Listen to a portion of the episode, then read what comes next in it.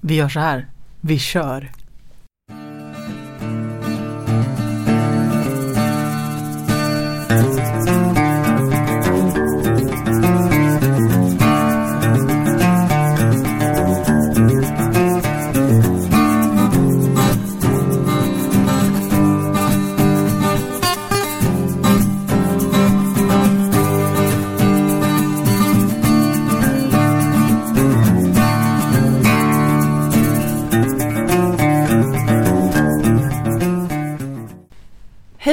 Välkomna till det 21 avsnittet av Präster med gäster med mig Anna-Fia Trollbäck Och mig Rebecka Tudor. och vi är präster i Tyresö församling.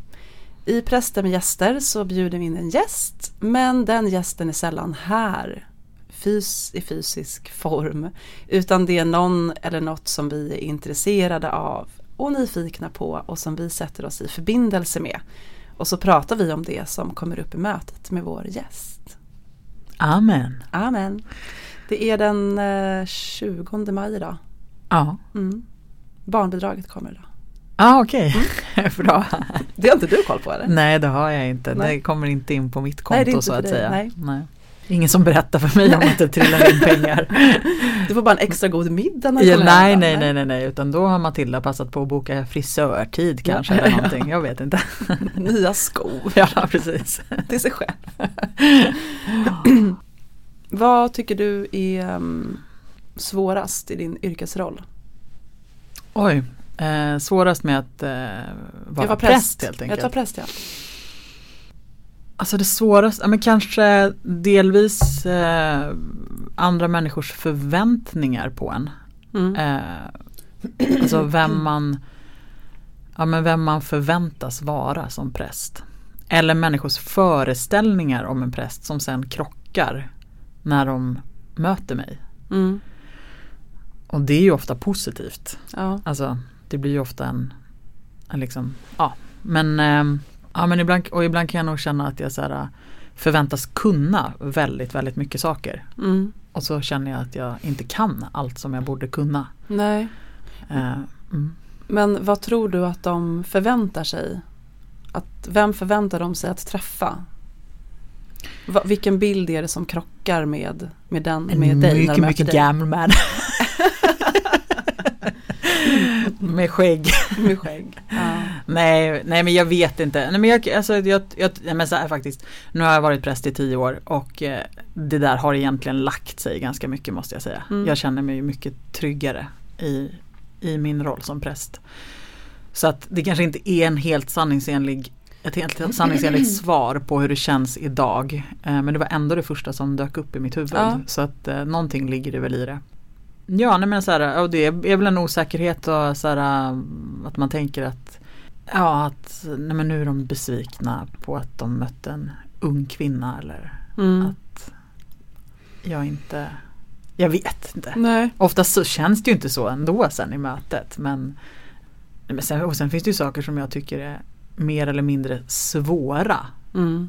men inte Nu frågade du vad jag tyckte var tråkigast eller jobbigast eller vad sa du? Jag sa svårast. Du sa ändå svårast. Ja. Ja, ja men och då tycker jag att eh, Ja, men, ja, svårt slash jobbigt. Ja, Ja. nej men alltså den här äh, Jo men att, ja men okej, det har ju också med förväntningar att göra. Att man ska vara en ceremonimästare. Ja. Det tycker jag är, Mm. och det är både in, egentligen inför alla förrättningar men då framförallt dop Ja. och vigslar. Eh, en känsla av att man, de vill, förlåt nu om jag låter fräck, men liksom som att man vill åt kyrkorummet. Ja. Men kanske helst få göra det på sitt sätt och så förväntas jag vara en ceremonimästare. Jag tror att man kan så här, knappa in typ vi vill att du ska säga och vara så här och så här. Ja, Och så ska det bara- komma ut. Ja. Som att man inte är typ en människa nästan. nej. Nej. Eh, och jag har också varit med om att familjer, alltså också vid begravningar, att, att anhöriga liksom vill läsa griftetalet innan och sånt. Ja, jag har också det varit med om det. har jag aldrig låtit dem göra. Nej. Eh, är eller, och någon som ville skriva liksom i princip. Mm. Ja men då undrar jag så här om det hade varit en man som de hade träffat hade, Mm. hade de aldrig sagt det. Tror alltså jag tror nej. faktiskt inte det. Det där är mm, Det är jättemärkligt, jag har också Mm. varit med om det. Eller när man möter dopfamiljer eller ja, vad heter det?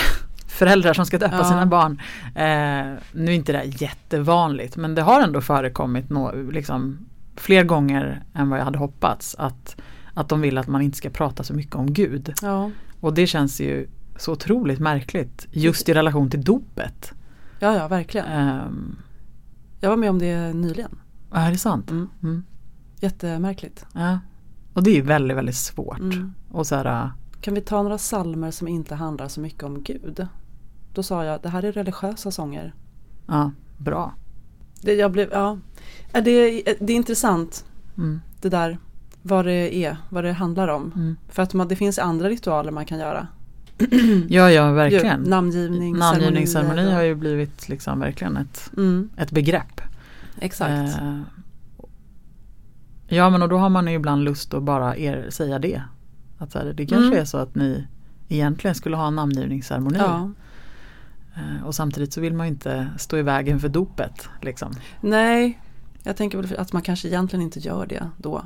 Om man, vågar, om man skulle våga säga det. För jag har Mm. också tänkt på det ibland. Att man kanske inte ska vara så rädd för att ställa den frågan. Nej. Då kan det bli så här, nej då har de bokat allt. Alltså, Mm. de har skickat ut inbjudningskort Mm. och så. Men, men att, tänker jag, göra människor uppmärksamma på också. För att ibland känns det som att man, för jag tycker också att det är svårt. Dopsamtalen är det som jag tycker är bland det svåraste. Mm. Därför att vi jobbar i en så religiös och andlig kontext. Och människor söker sig till oss och jag tänker att alla människor bär på någon slags längtan. Mm.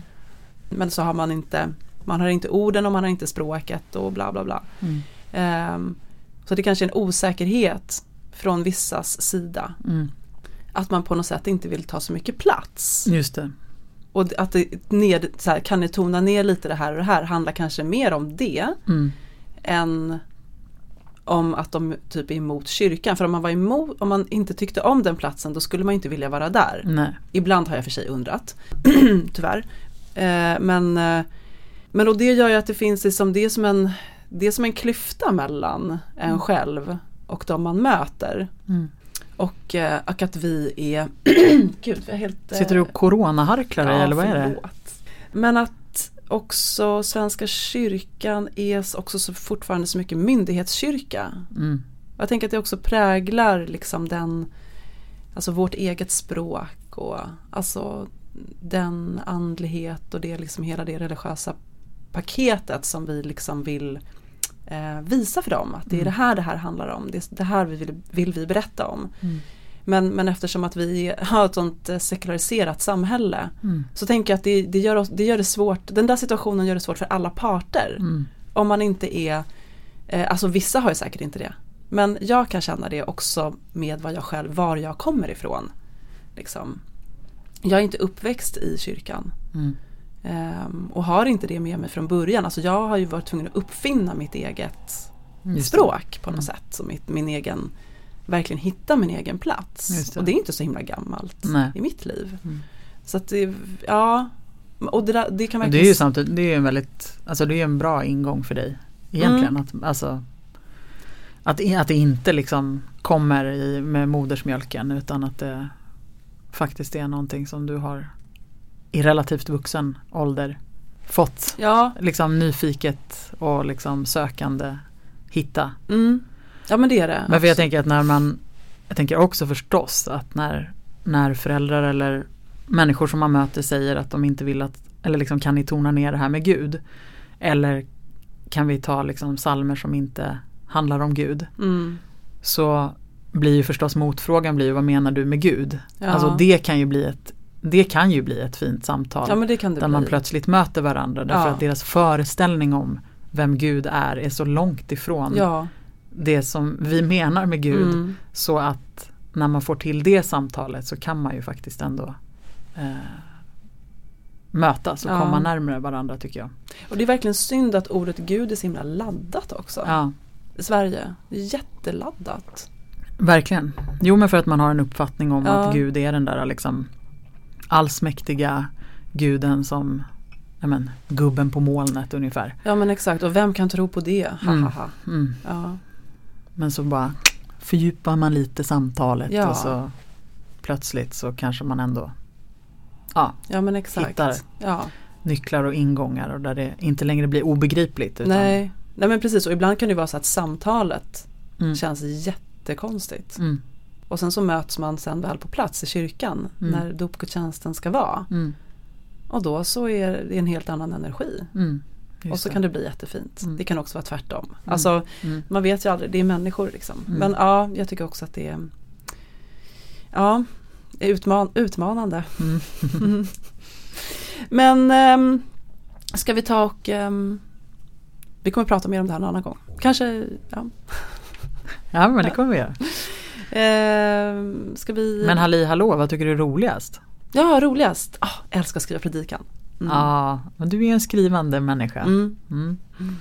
Så det är rakt av. Och fira gudstjänst. Ja. Alltså det är också, alltså riterna är ju också typ det roligaste. Du då? ja men nej alltså jag älskar ju att predika Mm. men vägen eh, fram är, tycker jag inte är den roligaste. Du lider då? Jag lider Mm. då, det gör jag verkligen. Mm. Eh, Jag, jag har inte alls den där gåvan och det stör mig så mycket. Liksom. Mm. Så, alltså samtidigt så har jag liksom krav på mig själv att jag vill att det ska bli så bra. Mm. Men det blir För att det. jag har idén om att jag ska liksom mm. Men eh, ibland tror jag egentligen att jag, alltså jag är en bättre talare än en skrivare. Ja. Eh, vilket gör att jag ibland tror att jag egentligen skulle kanske behöva hitta andra former för predikan. ja, okej. Inte lika manusbundet. Nej.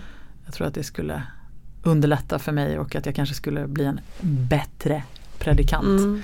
om jag eh, släppte garden lite Du och vågade inte lita på det. som, du känns inte som, som manus, som att du är en manusbunden eh, person. Nej, nej men precis. För det är ju jag. Ja, Mm. ja, mm, ja. Mm. Nej, jag känner mig inte heller som en manusbunden person men jag, Men men jag det. har ju alltid, Ja. inte alltid alltid men ja, nästan alltid Mm. ett helt färdigt manus. ja. Eh, men, eh, men själva gudstjänsten, jag älskar att leda, eh, jag älskar att fira Mm. gudstjänst och eh, vara liturg. Ja. Eh, ja, det gillar jag också. Leda mässan. Verkligen. Och så begravningar eh, och samtalen inför begravningar. Mm. Det är nog det mest meningsfulla tycker jag. Ja men det är det, jag håller med. Men gud vad vi håller med varandra, det är ja, så tröttsamt. Hela tiden. Ja. Kan vi inte börja mm. liksom tycka olika i saker och ting? Ja, oh, gud det skulle vara så himla roligt avsnitt. Ja. Vi måste hitta ett ämne där vi verkligen tycker olika. Ja. Um, Okej, okay. ska vi bjuda in några? Du. Ja, vad var det för liten trudelutt? Jag vet inte.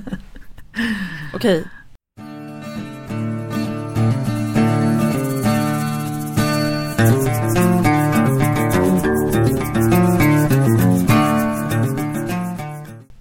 Idag så säger vi välkommen hit till, Alltså jag börjar skratta för det är en sån otippad gäst. ja det är det, men vi bjuder in den lilla sjöjungfrun, Den lille havsfrun. den lilla havsfrun. Och det blir spännande att se vart det tar vägen. I Mm. alla fall, Den lilla sjöjungfrun är en saga som är skriven av H.C. Andersen. Han skrev den 1837.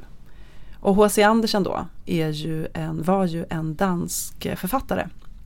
Som framförallt då, han skrev över 200 sagor och det är sagorna som han är mest känd. Eh, han levde mellan 1805 och 1875. Och han skrev ju då bland annat Den fula ankungen, Tummelisa, Flickan med svavelstickorna och då Den lilla sjöjungfrun. Bland annat. Ehm, en intressant sak som jag fick reda på när jag gjorde lite research Mm. är att eh, när H.C. Andersen skrev Den lilla sjöjungfrun så var det med tanke på kärleken till en man. Och tydligen är det så att i hans dagböcker då så lämnar det liksom inget tvivel om att han var attraherad av både män och kvinnor. Eh, men de avsnitten i dagböckerna redigerades tydligen bort Nej. på 60-talet. 1960-talet. Men vadå, finns hans dagböcker eh, Ja, måste ju- utgivna liksom? ja det kanske de gör. Mhm. Ehm, men Det, det, det kanske de gör.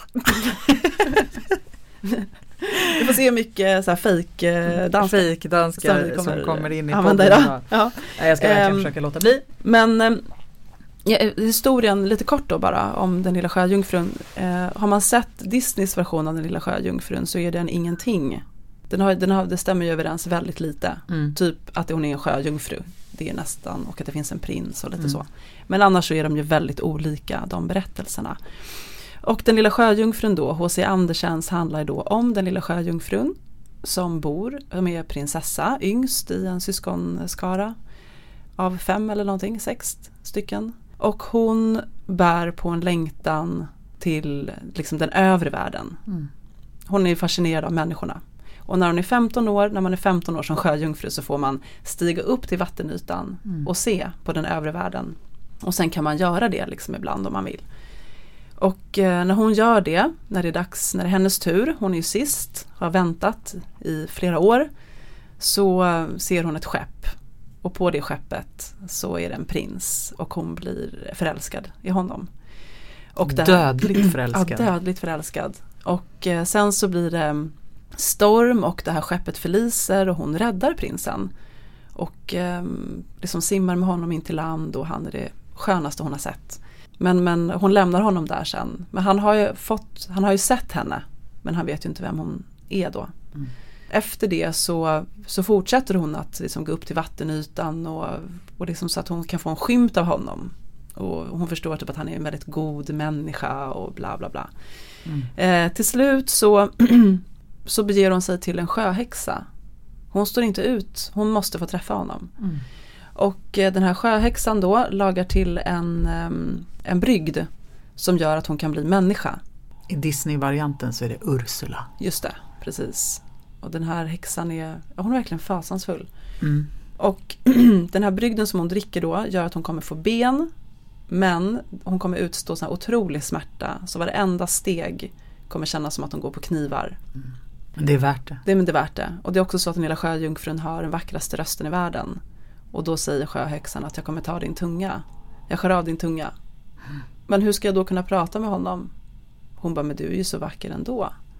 Och du kommer röra dig på det vackraste sättet. Så att, så. Och då är, grej, då är dealen, uppgörelsen är så här att hon blir människa. Och om hon lyckas få honom att älska henne och att de gifter sig då förblir hon människa och får då en odödlig själ. Lyckas hon inte med det kommer hon att förvandlas till havsskum. För det är också en, en, en, en, en del i det här är att sjöjungfrur säger de har ingen odödlig själ utan när de har levt i 300 år så dör de och så blir de havsskum och så är det inget mer. Mm. Och den lilla sjöjungfrun blir liksom väldigt olycklig av att insikten om att så här, varför har inte vi en odödlig själ? Mm. Så. Ja, men så att hon går med på det där, hon dricker den här drycken och eh, genomlider den här otroliga smärtan, otroliga lidandet, vartenda steg. Men det gör ingenting för att hon älskar den här prinsen så mycket.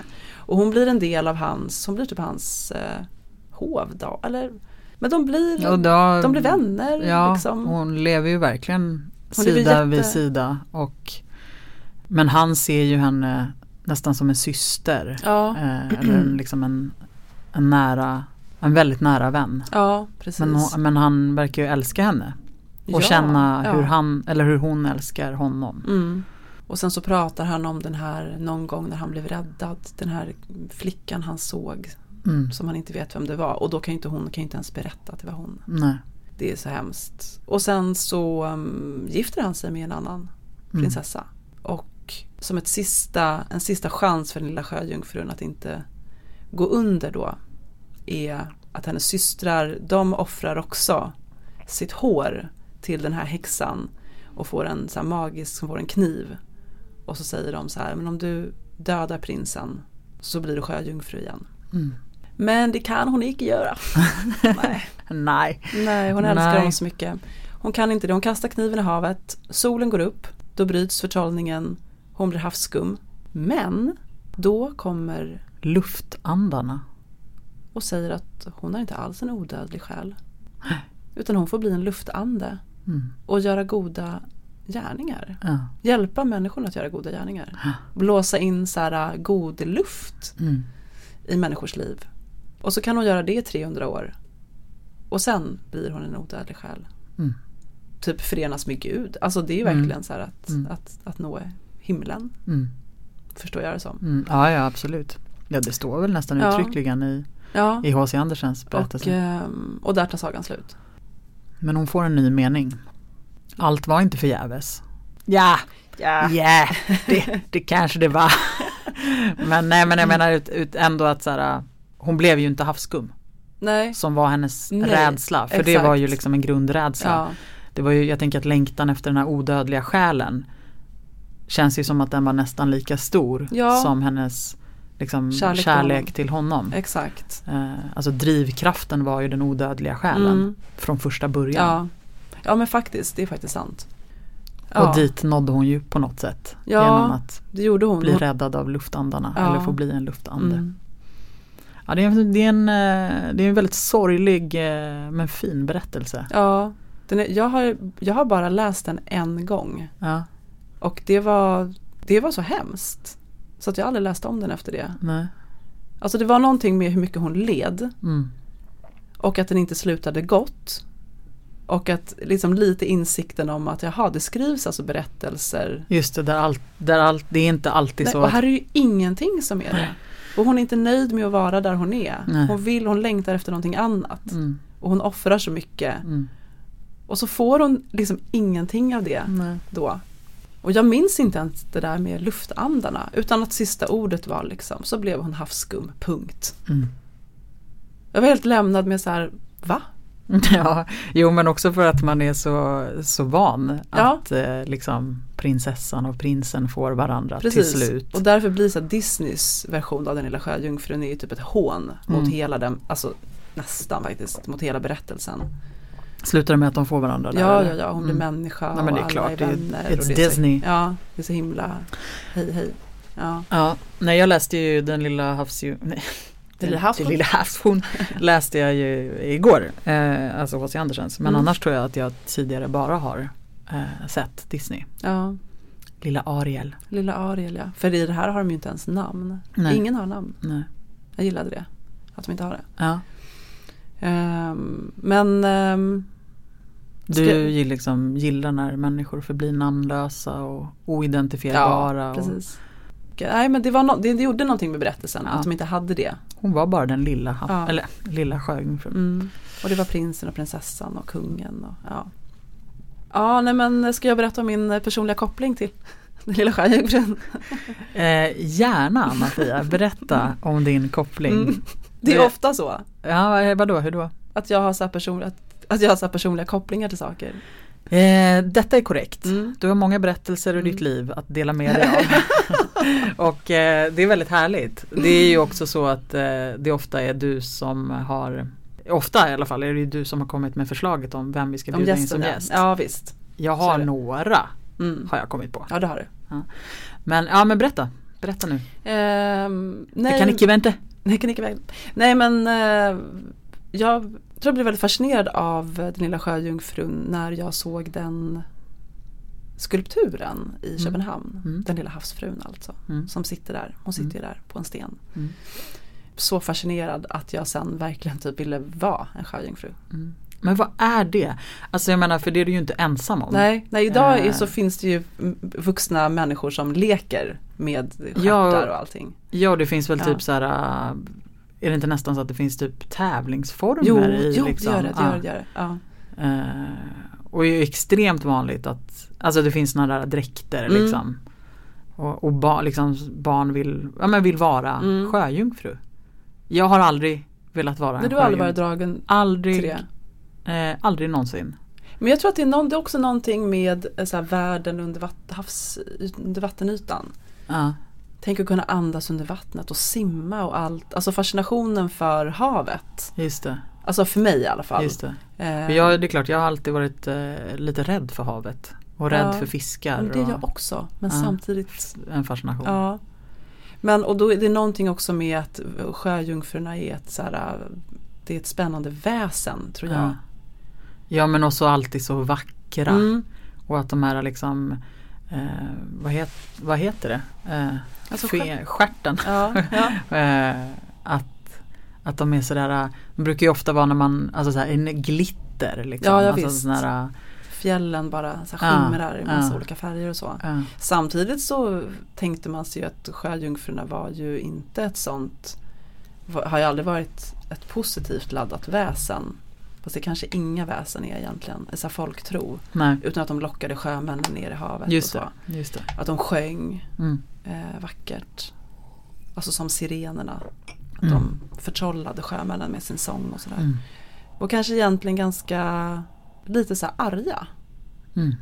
Alltså så kan de faktiskt också porträtteras ibland. Men ja, nej men fascination för det där med havet och kunna liksom vara i den där vattenvärlden. Ja, det var någon sån fascination. Mm. Eh, så att, men när jag väl liksom sen läste den där, läste den lilla sjöjungfrun. Jag blev verkligen så drabbad av det där enorma lidandet som Mm. inte hade någon poäng tyckte jag då. Mm. Men då är det ju det är väldigt, eh, alltså det blir en annan dimension av den berättelsen när du nu berättar om H.C. Andersens dragning till män Mm. och att liksom den där den omöjliga kärleken det ger en annan, en annan liksom tyngd i berättelsen. Ja men det gör det verkligen och om man tänker då i en tid där man inte alls kunde visa sin kärlek öppet. Nej. På samma sätt som vi kan göra i Sverige idag i alla fall. Mm. Nästan överallt. Mm. Och vilken plåga. Mm. Vilken enorm plåga. Det är ju ett lidande. Mm. Mm. Men, så, men om vi, för att hon lider ju så mycket den lilla sjöjungfrun och det var ju just det som, som tankarna kring att bjuda in lilla sjöjungfrun som gäst Mm. är ju också för att hon representerar lidandet. Så att vi ska glida in mer på att prata om lidande.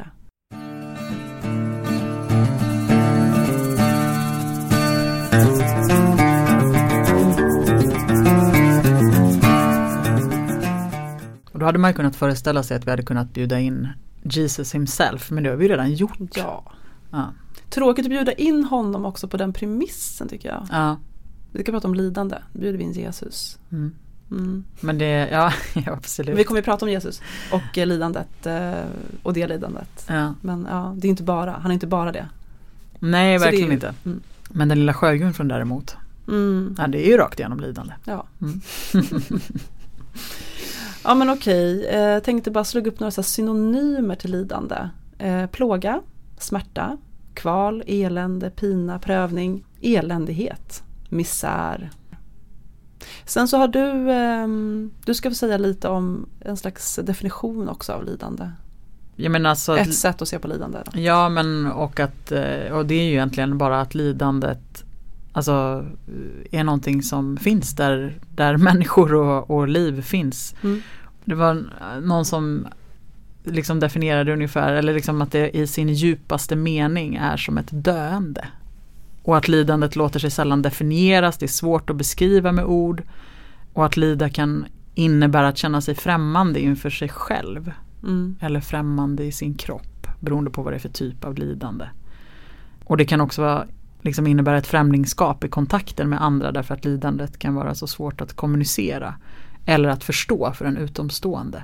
Och att det kan i början upplevas som ett hot mot hela ens existens eller integritet. Men om den lidande människan liksom uthärdar och genomlever lidandet så kan det innehålla möjligheter till en ny syn på livet Mm. och en ny tillvaro. Lite kopplat kanske också till när vi tidigare har pratat om kris. Ja. Alltså hur, ja, att lidandet är någonting man på något sätt måste genomleva. Liksom. Ja. Och gör man det så kan det innebära liksom, nya perspektiv eller förändring. Var det den typen? Eller det var liksom, det. det var det. Det Typ. var det jag tänkte Ja. att du skulle säga. Jo men att vi Eh. verkligen, jag menar alltså lidandet tillhör ju, det tillhör ju livet liksom. Och att vi, vi människor, vi lider. Mm. Det går inte att undgå lidandet. Nej, alltså vet du en sån superintressant grej som jag kom på. Det är att um, Jobs bok i Bibeln, Ja. Det är en av Bibelns äldsta böcker. Och Jobs bok, vi, kan, vi kommer komma in på den lite mer om en stund. Eh, men den handlar ju om lidande. Mm. Så att en av de äldsta böckerna i Bibeln handlar om lidandet. Det innebär då, kan man säga, och det här har jag inte hittat på, det här har jag hört. Eh, att lidande är den frågan som vi människor har, liksom, som har sysselsatt oss Mm. Längst. Alltså längre än många andra frågor. Än liksom frågan om kärlek Mm. till exempel. Eller Och någon det, annan existentiell fråga. just Och det. det tycker jag är så Mm. fascinerande. Mm. Varför, alltså frågan, varför måste vi lida? Mm. Har sysselsatt oss Mm. i liksom tusen, tusentals år. Ja, och då kommer vi verkligen till en, liksom den stora teodicéproblemet. Hur kan det finnas en god, allsmäktig gud när det finns så mycket lidande i världen? Ja. Varför? du bara börjar skratta. Varför? Jag tänker så här, man bara, tänker du om det? Ja, tack. Eh, Nej men, nej, men det är ju den, det är ju den, liksom, den största teologiska och Ja. filosofiska frågan Mm. som eh, Och det är ju också för att det inte, det finns ju inget det finns ju inget enkelt svar på den frågan. Då Nej. hade det ju inte varit ett grubbleri. Nej, eller en så Nej men för, jag vet inte men jag tänker att lidandet Alltså att vara Vi har ju varit inne på det i tidigare liksom, poddavsnitt när man pratar om Vad livet är och vad människan är eh, Att det finns både gott och ont eh, Och skulle vi inte överhuvudtaget kännas vid det som gör ont Mm. Men då finns ju inte berättelsen om den värld vi lever i Nej, Alltså då skulle vi ju befinna oss i det där paradiset. Och det gör vi inte. Eh, och, det och att jag också tänker att Gud, ja men vi är liksom Gud är inte, alltså bilden av Gud som en allsmäktig Gud som bara sitter och liksom använder oss som marionettdockor är en väldigt ointressant bild av Gud tycker jag. Ja det är det. Utan jag försöker väl mer att förstå vem Gud är utifrån det liv vi har. Som är allt. Mm. Liksom. Ja men jag undrar också så här. Alltså är det ett problem? Alltså just, jag började fundera liksom på själva frågan. Mm. Varför finns det lidande? Ja men liksom är lidandet ett problem? Är det liksom, för att hur skulle det annars vara? Mm. Alltså då den här paradisiska tillvaron. Mm. Eller det är väl mer bara en av våra liksom, det är väl en livsbetingelse. Det är väl så, det är så i vårt liv, i det mänskliga livet finns lidandet. Mm. Och det är inte ett problem. Alltså tänker jag. Mm. Alltså det är inte så man ska se på frågan. Som ett, alltså så här teodicé-problemet. Mm. Är det ett problem ens? Alltså jag tänker snarare att vi liksom, att Gud gav människan en fri vilja. Mm. Och med den fria viljan kommer det val. Som är bra eller dåliga, rätt eller fel, onda eller goda val. Liksom. Och det får konsekvenser. Och att jag började tänka på liksom hela den gammaltestamentliga liksom berättelserna och tänkte så här, men Gud ångrade sig ju i början. Mm. Och ville liksom när han räddar Noa Mm. Som är rättfärdig. Men liksom låter syndafloden eh, skölja bort allt annat mänskligt liv. Mm. Men sen var vi där likväl igen. Jag tänkte så här, men gud bara, det är ju där ändå. Det går Mm. inte att, typ det här blev den skapelse jag skapade. Mm. Om jag ville ge henne en fri vilja så, är det, så kommer det här med Mm. på köpet. Liksom. Det är så här deras liv blir. Mm. För det var ju inte så att allting blev frid och fröjd efter att Noak blev räddad. Mm. Utan det är liksom samma, vi eh, stöter på problem. Liksom. Mm. Vi är med om jobbiga saker. Det är liksom en del av livet. Ja men verkligen på samma sätt som eh, alltså, döden är en del av Ja. livet. Alltså, Och på det sättet är ju då alltså som man kan Förgänglighet, då, Ja, att liksom. lidandet också är ett slags döende. mm. och, och precis, och då med också perspektivet att det kan liksom ge nya möjligheter eller nya perspektiv. För det handlar ju också om ett växande. Mm. Alltså om ett mognande som människa. Att Ja, när, vi, när vi är med om svåra saker så, så liksom gör det någonting med oss som människor förstås. Eh, och det kanske bara är så vi kan eh, ja, växa och bli de som vi är ämnade att vara. Eh, vi måste gå igenom prövningar. ja. Alltså det hör liksom till vårt, vi kan inte mogna som människor annars, nej. tror jag. Och att det liksom, jag menar i det där, alltså att gå igenom jobbiga och svåra saker så kan vi bara göra det. Mm, Alltså och förhoppningsvis kommer vi ut på en andra sida. mm, liksom. Jo, jag tänker att det är också när vi drabbas eh, på olika sätt och befinner oss i ett lidande av olika slag så gör ju det också att vi inser vår, eh, vårt behov av andra människor. Mm. Eller vår sårbarhet som gör att vi kanske måste sträcka ut oss. Liksom. Eh, ja, ingen människa är liksom eh, En ö. Tack.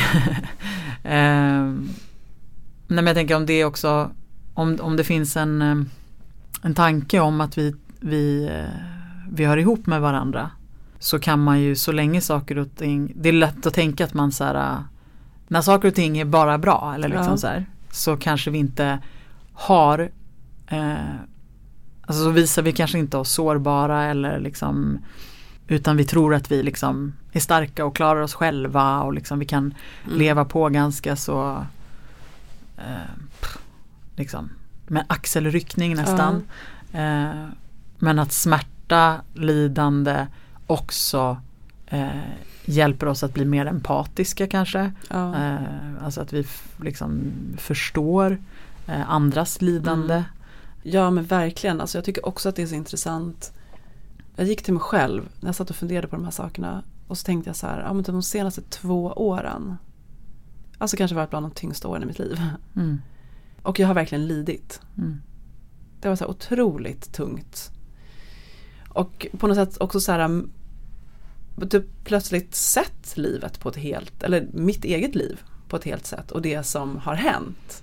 Och det som jag behövt ta mig igenom. mm, Och stundtals, ehm, som jag sagt i något annat avsnitt, men bara känt att jag så ropat på hjälp och bara, men hur ska det, och tänkt så här, det är klart att jag vet att allting ordnar sig, det är klart att det kommer att bli bra, men i stunden bara, nej, det är bara, alltså att bara känna smärta mm, då mm. och att inte veta hur man ska komma vidare, som Mm. att stå i kvicksand och Mm. bara, det kommer ingen vart, Mm. det bara är så här. Mm. Hur länge ska det vara det? Mm. Och så tänkte jag så här att ja men okej, jag fyller 40. Och, då, och, det, och det är också saker som, dels saker som har hänt i mitt eget liv men sen också saker, tunga saker som har hänt i liksom, mina vänners liv. Mm. Också sådana stora, tunga saker. Och tänkt så här, ja men vi är i den delen av livet Mm. också. Där, vi, där, där de här sakerna händer. Mm. Som är mycket tyngre och mycket mer omfattande än vad det har varit tidigare. Och som Mm. får större konsekvenser. Alltså, Mm. ja. Jag tänkte, kände så här, den här, den tiden som har varit fram tills nu. Mm. De här två åren typ har verkligen gjort någonting med mig. Mm. All den smärtan och det lidandet som jag känner att jag har varit i. Mm. Så det är ju precis så. Mm. Det funkar ju så. Mm. Vad Man känner du att det har gjort med dig liksom? Ja men det är så här, ödmjukhet kanske låter lite så här. äh, Men det handlar väl om det. Också tänker jag som när vi jobbar och man möter människor i sorg eller Mm. bara att höra någon säga så här. Ja nej men jag har separerat typ. Mm. Då kan jag gå till mig själv och bara ja Jag vet vad du vet vad du- genomlever. liksom. precis. Mm. Ehm, eller att förlora en närstående till Mm. exempel. Men plötsligt så delar man på något sätt den smärtan. Mm. Och sen är väl det kanske så en process att hitta ett rätt läge i sig själv när man möter andra människor som också är med om svåra saker. Att, alltså att kunna härbärgera sig själv och så. Mm. Men, men verkligen en helt ny palett av färger. Mm. För liksom Mm. helt annan. Mm. Och tänkt så här, vadå jag har ändå sett mig som en så här, bara så här mogen, genomtänkt och Just bara det. jag har varit med om saker men det här har varit av en helt annan Karaktär. Ja. Mm. Och det är ju Ja, det är någonting mer när man kan känna att livet har format en. Just det. plötsligt. Man förlorar ju också kontrollen tänker jag. Mm. När man, när man är i liksom lidande om det har handlat om förluster av olika slag Mm. eller man förlorar kontrollen. Ja, det gör man. Ja, men man är ju på ett gungfly på något sätt Ja. då. Och man har ju ingen aning om vilken riktning någonting ska ta. Vart, Nej. vart, vart det ska ta vägen. Eller vad, vad kommer hända imorgon?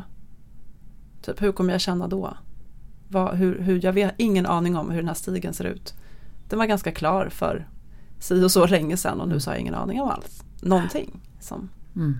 eller hur man ska hantera saker heller för Mm. den delen. Och det tänker jag, det måste ju vara någonting med lidandet, alltså att man kan ju ha en idé om jag är en stabil person, jag kan hantera svåra saker och så vidare. Mm. Men när det väl händer någonting av en sån mycket större, när det har mycket, mycket tyngre, Mm.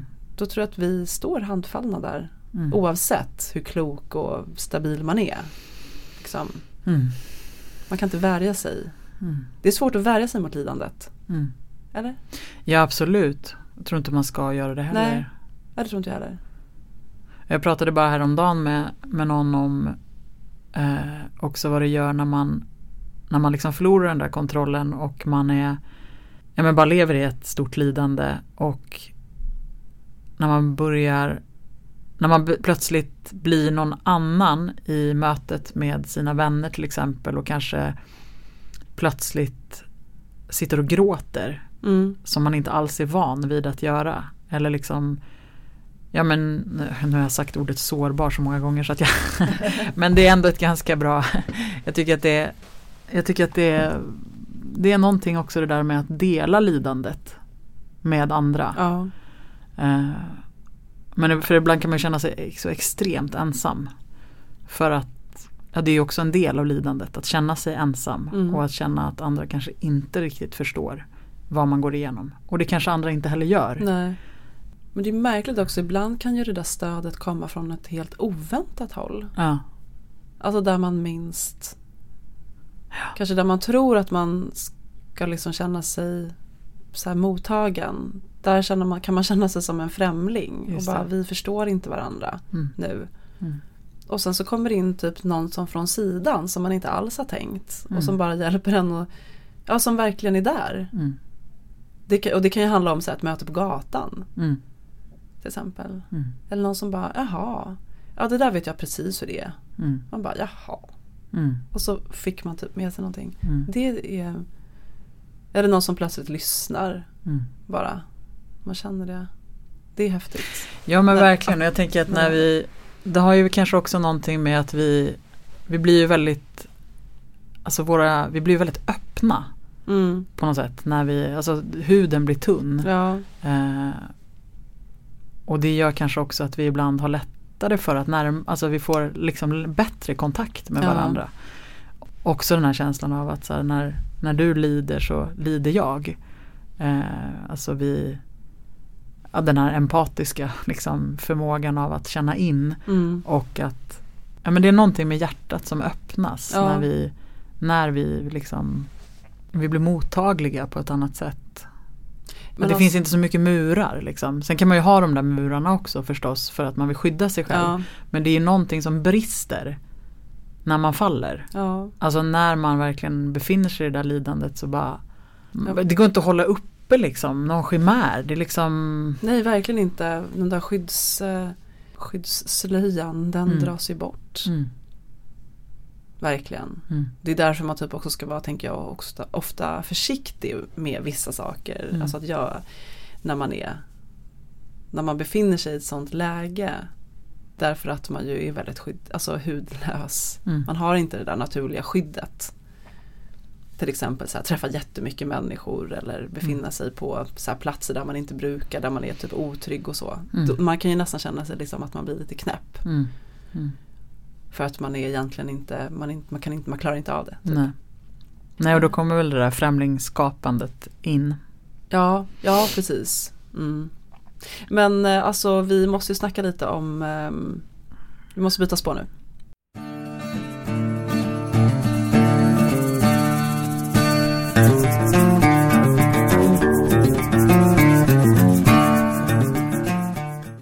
Mhm. Mm. Vi måste snacka om det här eh, på lidande byggd i Guds kyrka.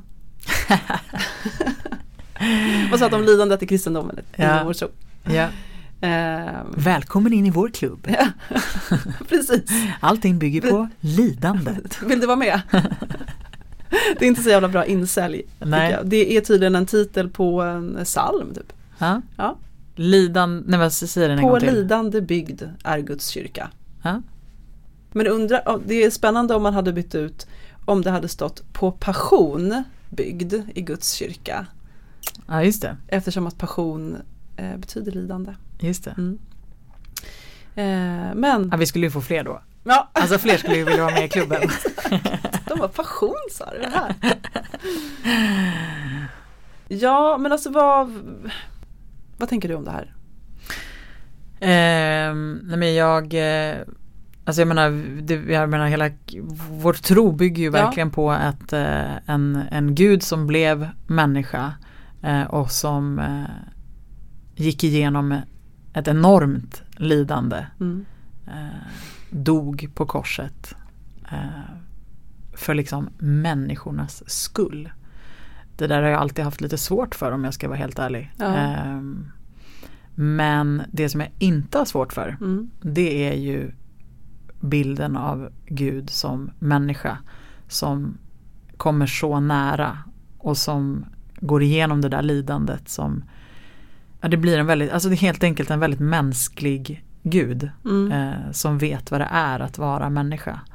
Vilket blir som en så här, ja men Kristus har liksom gått före. Eh, Kristus har varit där eller är med mig. Mm. En Gud som gråter med mig när jag Ja. gråter. Om det kanske är därför det, för det tänkte jag på. Alltså just det som du räknade upp så här. Ja men Jesus föds, lever, lider, dör, uppstår. Mm, Alltså det är där för människornas skull. mm, Det är som en ramsa Mm. nästan. mm, Och sen ibland så behöver man eh, stanna upp och bara, men vänta, vad betyder det här för mig? Mm. Alltså vilka, hur känner jag inför det här? Ehm, men jag tänkte också på det att så här, men det är väl kanske centralt för att det är centralt i människans liv Mm. att lida. Ja men verkligen. Ja. Eh, ja men och att då också föreställa, jag tänker alla de här eh, berättelserna från eller liksom de nedslagen i påskberättelsen Mm. om liksom en gud som, som lider så till den grad liksom och har så mycket ångest att och själv liksom ropar ut liksom min gud, min gud varför har du övergivit mig och nästan inte står ut. Nej, och det, Eh. liksom, och förmodligen så var ju det liksom Jesus sista ord. Om man tänker Mm. då att Mar- det står i Markus evangeliet som Mm. är det äldsta av evangelierna. Mm, Och kanske har minst hit, liksom till, mm, den är vad man vet det mest intakta. mm, Så är det liksom Jesus sista ord. mm. Ja, det tycker jag är så drabbande. Mm, jo men verkligen. Att vara Eh, övergiven. Ja, Rädslan för att vara övergiven. ja. Och hans eh, ångest i Getsemane Mm. i trädgården eh, precis innan han ska liksom ja, bortföras till sin egen avrättning. Ja. Och att veta om det och att han, han ber ju sina vänner att liksom vara vakna med honom Mm. och vaka och be. Men de somnar och han sitter där ensam. Mm. Och de förstår honom inte. Nej. Alltså det är väl därför de somnar. De, Ja. Men den känslan kan man ju, man kan ju Ja. gå in i den verkligen Mm. och förstå hur att, att det är ju det som man ibland, det är ju därför man känner sig så himla ensam ibland. Mm. När man, när man bär på ångest eller, eller är i ett lidande liksom. För att an, de förstår inte. Nej. Ehm, Nej men också att ehm, ja, men det är någonting med det där i ett semane. Mm, Jag läste lite om det. Och att det liksom är en scen som är viktig, som är en del av hela mysteriet. mm, Med att han är där ensam, mm, ber om att få slippa.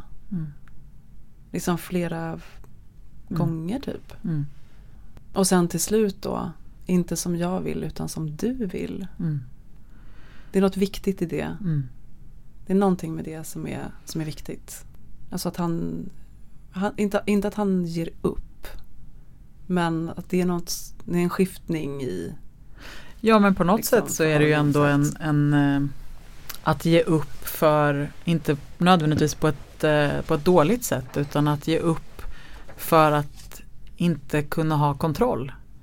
Alltså Ja. att ge upp sin, vad ska man säga när man är liksom För det finns ju något i det där också att vi gärna Vi gör allt vi kan liksom för att skjuta ifrån oss det som Ja. gör ont.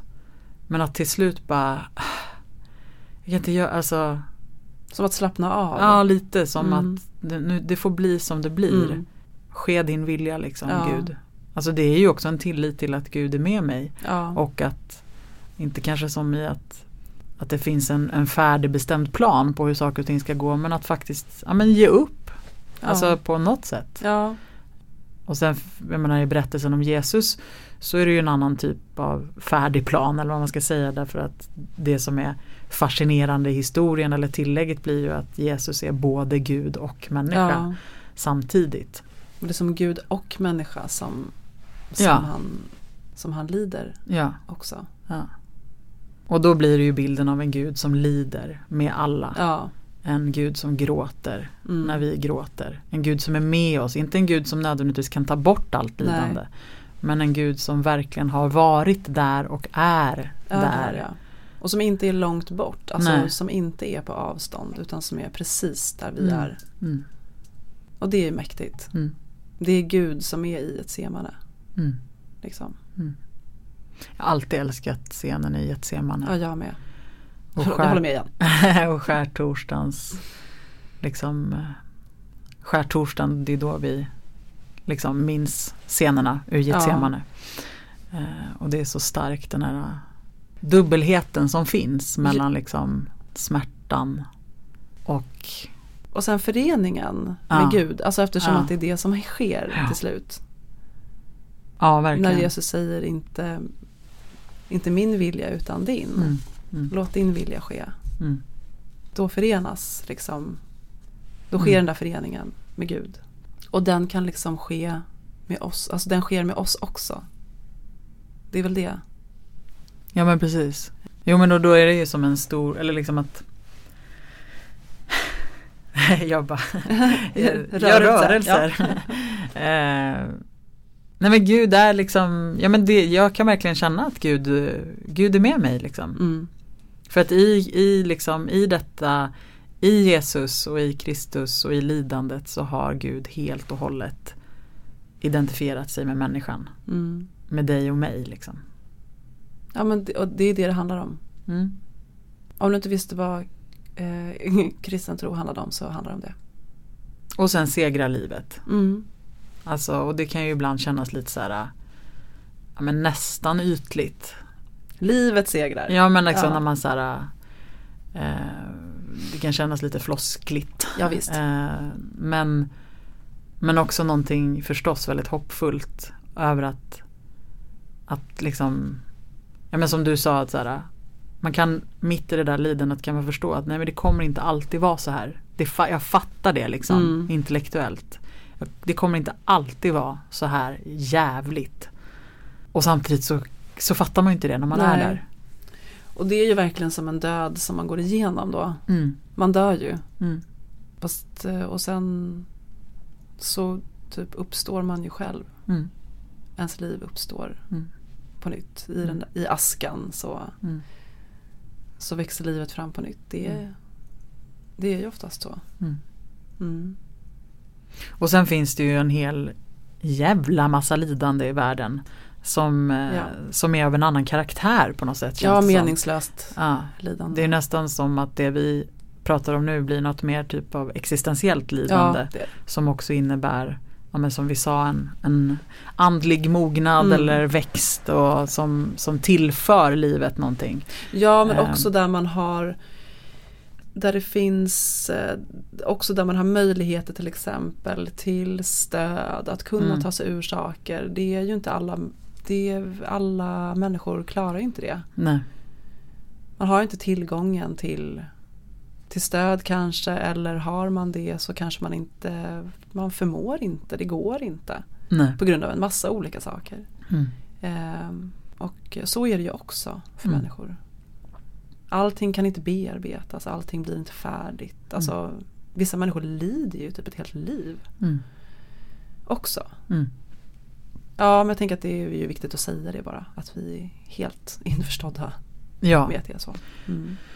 Ja och att också som vi liksom har sagt att lidandet är ju väldigt svårt att definiera. Mm. Liksom, för att det finns så extremt många olika sätt som vi kan Ja. lida på. Eh, en, en, en viss del av lidandet är det ju en, är ju andra människor som utsätter oss för. Ja. Eh, liksom. Det är också, en annan, alltså det är också något annat på något Mm. sätt. ja men det är det. Eh, och lidandet som är kopplat till förlust Ja. är ju liksom själens lidande. ja. ja men visst. Själens lidande kanske alltid är med på något sätt i och för sig. Men det finns ju så mycket orättvisor på något sätt Ja, i världen. Som, orättvisor där människor lider ja. Mm. Ja, Mm. ja verkligen.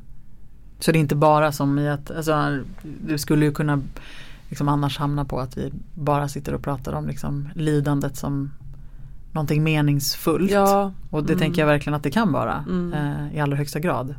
Men verkligen inte bara. nej men exakt och det är väl kanske det med så här att vi kommer tillbaka till så teodicé, frågan om teodicé, eh, problemet då. Mm. Men att tänka att Gud skulle ta bort det, Mm. ta bort det därför att Gud är liksom kärleksfull och, och god.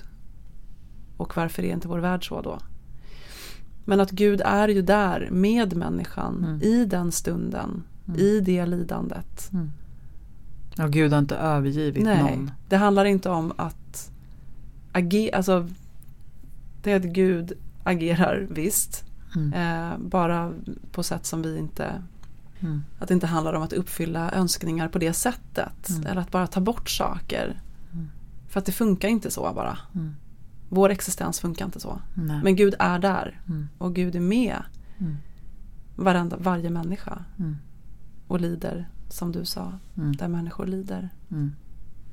Men om man eh, nu, Jag tänker att vi kanske inte alls kommer prata jättemycket om jobb. Men du nämnde ju ändå jobb. Mm. Eh, Jobs bok i Gamla Testamentet som en av de äldsta böckerna. Och där är ju Det är en ganska, är en ganska intressant bok tycker jag ändå. Ja, Eh, med hur han för han Jobb är ju liksom en, eh, en otroligt rättfärdig man som liksom gör allting rätt. mm. Eh, och sen utsatt, utsätts han för enormt mycket lidande. Mm. Eh, och prövningar. Och, Ja men det är groteskt. Ja men det är verkligen Ja. groteskt. Han bara sluta Eh. nu. Då kommer det ännu mer. Ja. Och han står ju, han står ju fast vid att så här, Gud, liksom, jag, jag tänker inte, liksom, jag tänker fortsätta leva liksom Ja. och tro på dig. Mm. Eh, men han prövas ju enormt. Kommer ordet jobbigt från jobb, Anna-Fia? Vi vet inte. Jag tror det. Ja, vi, vi säger det. det.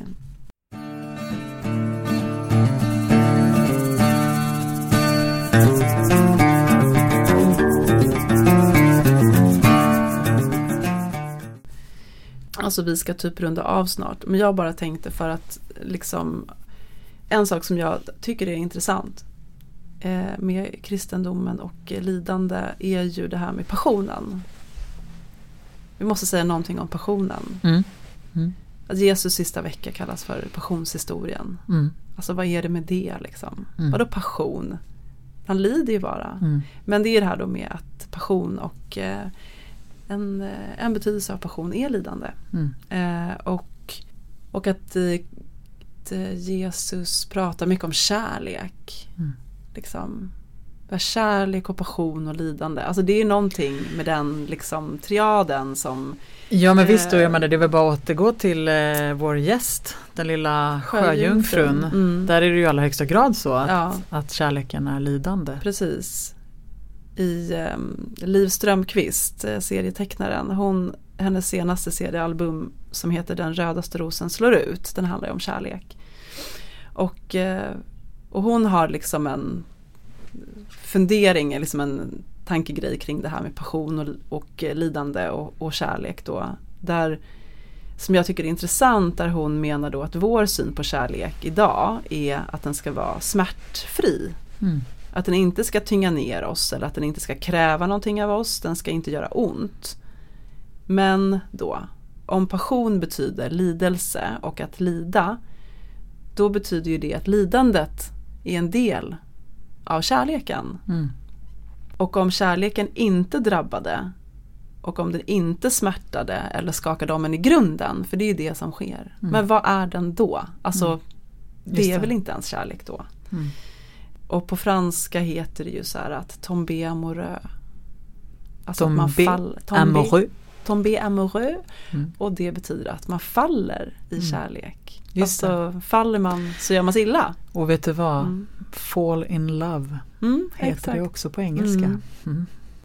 Jag tänker så här, Jesus lider ju i sin kärlek. Mm. Och vi lider ju när vi blir kära. Alltså det är bara gå, jag kan bara gå till mig själv. Men då liksom det som Liv Strömquist också frågar sig då är om kärlek har blivit mer då transaktioner idag. Där det handlar om att få tillbaka lika mycket eller helst kanske mer än det som man har investerat Mm. i den andra. Just liksom. Och kan vi inte ge om vi inte får något tillbaka? Alltså att det är liksom en sån det, Ett ja, utbyte. Ett utbyte, ja precis. Måste man ha ut någonting av kärleken. Mm. Om jag inte får ut någonting då handlar det om att vi är, liksom, är vi så självupptagna. Liksom, att vi kan inte ens se vår nästa. Mm. Eller den som vi ens tänker att vi vill. Mm. Alltså den som vi tror att vi är kära i. Liksom. Mm. Och att det kanske faktiskt är så att kärlek och eh, liksom förälskelse också till viss del handlar om så här självutplåning. Mm. Men det är så anti liksom vår tid nu. Så hur skulle man kunna prata om? Hon är kunna, bra liv alltså. Ja, hon är riktigt bra. Ja. Det kan jag rekommendera den. Men jag tänker att det är ju, hon är verkligen Mm. någonting på spåren. Och jag tänker att man kan klocka ner det liksom i också vad det gäller liksom kärleken, den Jesus kärlek, Jesus lider. Det är en passion liksom, Mm. allting. Mm. Och med det kommer också, och där finns lidandet men det finns också lidelsen. Mm. Liksom. Mm. Någon slags eh, enorm njutning av livet också. Mm. Liksom. Mm. Mm, ja men den, eh, det var bra, tack. Det var mycket, mycket bra. Förlåt. Men jag känner att jag har ingenting att tillföra. Nej, Alltså jag, nej, vet men inte vad, jag vet inte vad jag ska säga. Nej. Liksom. Det, var jätte, det var bra. Mm. Eh, Jag ville få det Mm. sagt. Ja men bra. Bra. Ja, Ja men eh, jag tänker också att jag, eh, du ska dra på en begravning snart. ja jag ska göra Mm. det. Och eh, jag skulle också vilja dela ett eh, citat. Ja, det ska du få. Du ska få avsluta igen. Ja. Rebecka är ju bäst på att avsluta med citat. Jag Ja. gillar det. Men innan jag gör det Mm. så vill jag också, jag tänker att eh, jag, vi har inte pratat jättemycket om det här med liksom eh, tårar. Men jag tänker att det inte är alldeles ovanligt att, att tårar hör ihop med lidandet. Nej. Alltså, eh, och jag tänker verkligen att tårar är liksom heliga. Ja. Och då fick jag, eller eh, höra precis att eh, Hildegard av Bingen som vi ju har haft som Mm. gäst vid två tillfällen Ja. dessutom. Eh, hon kallade tårarna för själens pärlor. Ja, fint. Det är fint. Det är jättefint. Ja. Men eh, nu kommer eh, det lilla citatet. Och då är det Rilke, eh, poet, som skrev i ett brev till en ung poet. Som ville ha råd om livet. Mm. Stäng aldrig ute något svårmod, något lidande från ditt liv.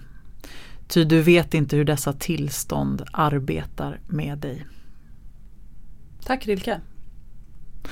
Och tack till den lille havsfrun. till den lilla havsfrun och till eh, lidandet. Ja. Mm. Tack Jesus. Ja, det är med. Tack alla. Alla är bäst. Och jag vill också tacka min mamma och min pappa Ja, och dig Anna-Fia. och dig Rebecka. Mm. Mm. Vi, ehm, vi ses, eh, Vi har ett avsnitt nästa vecka eller? det har vi. Ja, Mm. bra. Så vi ses då. Det gör vi. Mm. Ha det så bra. Skål. Skål skål, hej då. Jaha, har vi snicksnackat en timme? Va? Det var lite...